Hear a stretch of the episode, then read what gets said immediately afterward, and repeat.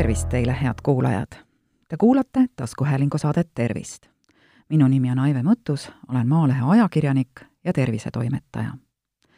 eriolukord hakkab küll lõppema, kuid hoolimata sellest on igavuse või masenduse tõttu alkoholi liigtarbijaid praegu tõenäoliselt omajagu mõned nädalad tagasi ilmus sel teemal Maalehes ajakirjanik Eva-Lotta Kivisulest artikkel, milles psühholoog Mihhail Beljajev annab soovitusi, kuidas pingelises ja stressirohkes olukorras toime tulla nii, et vaimne tervis ei kannataks.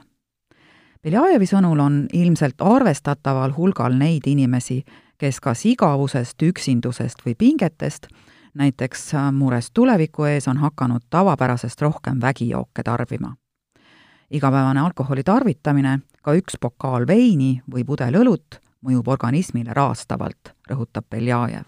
ja ütleb, et iga alkoholi tarvitamise vahel võiks olla vähemalt kolm alkoholivaba päeva. psühholoog ei ütle, et alkoholi ei tohiks üldse tarbida, kuid vaja on ära tunda kuritarvitamine ja sõltuvus. kui alkoholi tarbimine on väga sage, kasvab tolerantsus ja sellega koos ka alkoholi kogused sellepärast on oluline piirata tarbitavat alkoholi kogust. No veinist rääkides, naine maksimaalselt äh, pudel nädalas, mees kaks pudelit. see on veel täitsa normaalne kogus ja sellest midagi suurt ei juhtu. aga kui ühel õhtul sai pudel juba joodud, siis kolmepäevasest pausist ei piisa. nädala norm on täis ja rohkem pole vaja. psühholoogi sõnul saab alkoholisõltuvus ja kuritarvitamine väga tihti alguse probleemsetest suhetest praegu ehk siis eriolukorra ajal on suhteprobleemid veel eriti kerged tekkima. kui oled äh, ühe inimese või pereliikmega pidevalt koos, siis alguses on ju päris tore, aga mingil hetkel tekib tüdimus, väsimus ja alkoholist hakatakse lohutust otsima, räägib Beljajev.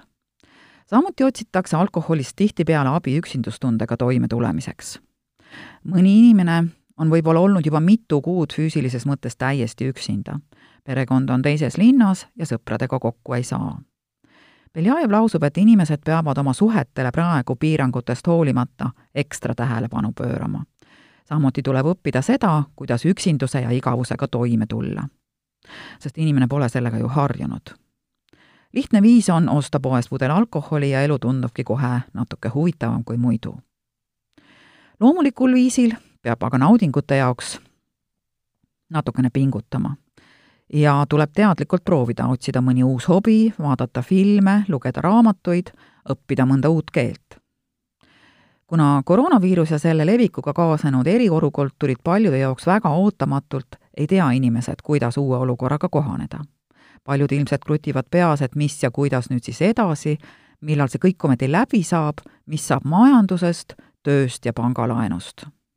Psühholoogi kinnitusel on abiks isegi see, kui lähedastega oma hirme jagada avatud on ka mitmed kriisiabitelefonid. psühholoogiga saab näiteks suhelda telefoni või Skype'i vahendusel. ja teinekord ongi lihtsalt vaja ainult seda, et keegi su ära kuulaks. Beljajevi sõnutsi julgeb ta sotsiaal, sotsiaalmeedia ja oma klientide põhjal öelda, et just raha on praegu inimeste põhiline mure ja pingeallikas. üüri või kodulaenu peab ju kõigest hoolimata maksma.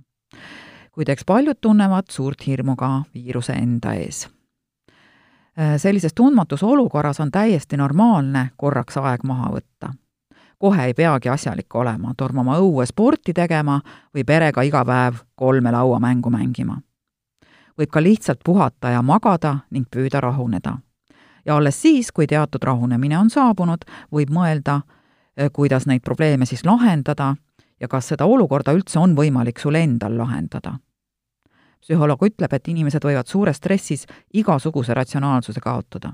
no üks näide on näiteks seesama arutu tualettpaberi kokkuostmine.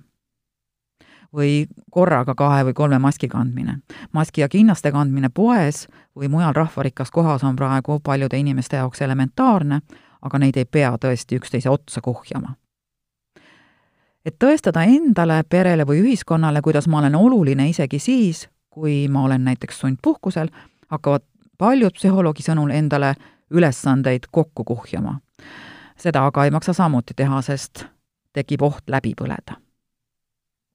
psühholoog ütleb, et ärevus ja depressioon peitub üsna sageli uskumuste taga. kui inimene usub, et olukord paremaks ei lähe ja sügisel võib meid tabada uus viiruselaine ning pikaajaline karantiin, siis tema enesetunne kõige parem pole ja ta püüab emotsionaalset tasakaalu säilitada näiteks alkoholi abil. Need uskumused on aga vaja kindlasti ümber hinnata. ei tasu liiga palju ette mõelda ega ka üle mõelda. see on nagu tooliga kiikumine. kui kiigud liiga palju, võib juhtuda, et kukud. kui inimene aru saab, et viimasel ajal on ta alkoholi tarbimisega liiale läinud, ei tasu samamoodi kohe liiga pikalt ette mõelda, et nüüd ma näiteks kuu aega üldse alkoholi ei kasuta. Pigem sea endale eesmärk üheks päevaks, et mina täna alkoholi ei tarbi. sest kui sa liiga pikalt ette mõtled, siis hakkadki ainult alkoholist ja selle tarvitamisest mõtlema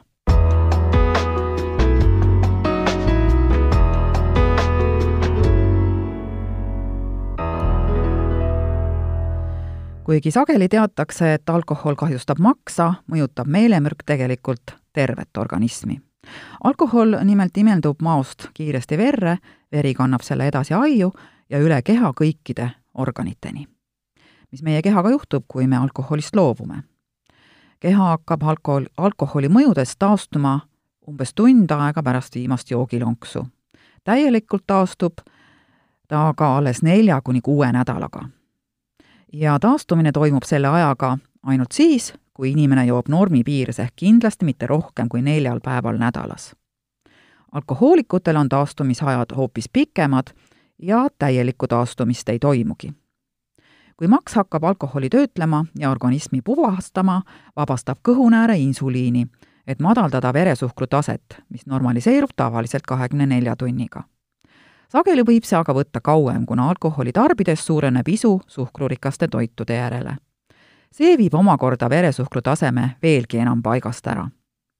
enamik alkoholi tarbimise järgseid füüsilisi sümptomeid peaks kaduma neljakümne kaheksa kuni seitsmekümne kahe tunniga. kuid nädalaga paraneb juba une kvaliteet, vähenevad nahaprobleemid ja suureneb energiatase.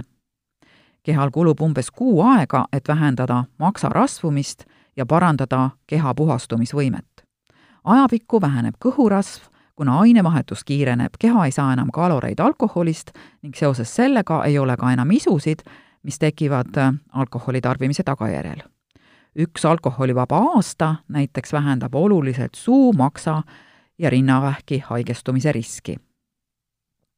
alkoholist loobudest väheneb ka depressiooni ja ärevushäirete ning dementsuse ja teiste mäluhäirete tekkimise tõenäosus normi piires tarbijatel langeb stressi ja tõuseb energiatase kõige sagedasem alkoholiga kaasnev probleem on maksakahjustus, sest maksarakud ei taastu. sageli seda algul ei märgata, kuna maks suudab hoolimata probleemist endiselt kompenseerida oma funktsioone ja inimene võib tunda ennast pikemat aega tavapäraselt. kuid alkohol kahjustab pöördumatult ka teisi organeid näiteks on korduvalt uuringutes leitud, et alkoholi tarbimine suurendab oluliselt naistel rinnavähi riski ka harva tarbimise ja väikeste koguste puhul peale selle nõrgendab meelemürk ka südant, suurendab infarkti ja kergveretõve ohtu, aeglustab vereringet ning vähendab valgete vererakkude tootmist, nõrgendades nii immuunsüsteemi. alkoholi tarbimine suurendab riski seedetrakti haiguste kujunemiseks ja seda juba suust alates, kus alkohol tekitab hambakaariest ning kahjustab igemeid ja söögitoru. samuti tõstab see suu- ja söögitoruvähi ohtu mõjutatud on ka kõhunääre, mis vabastab alkoholi tarbimise ajal insuliini. kuna alkohol tõstab veresuhkrut, nagu eespool juttu oli, väsitab see pankreast ja suurendab ohtu diabeedi või kõhunäärmepõletiku kujunemiseks. alkoholi ületarbimise tagajärjeks võivad olla kergem haigestumine ja vastuvõtlikkus viirustele, sest immuunsüsteem ei suuda haigustekitajatega võidelda sageli kasutavad inimesed alkoholi nii-öelda antidepressandina ja alkoholist loobumine võib taas esile tuua põhjused, miks üldse jooma hakati. meeles tuleb pidada sedagi, et alkohol ei ole efektiivne unerohi. vastupidi, see muudab une kvaliteedi kehvaks ja keha vajab seetõttu uinumiseks aina suuremaid koguseid alkoholi. nii et enne, kui tõstad klaasi, mõtle. head kuulajad, te kuulasite taskuhäälingu saadet Tervist saate leiate Delfi podcastide pesas tasku, nutirakenduste Spotify, Apple Podcasts, SoundCloud ja teised. hakake jälgijaks ja kuulake just teile sobival ajal. ettepanekuid teemade kohta, mida saates käsitleda, ootan teilt e-posti teel aadressil tervist.maaleht.ee. minu nimi on Aive Mõttus, olen Maalehe ajakirjanik ja tervisetoimetaja. tervist teile!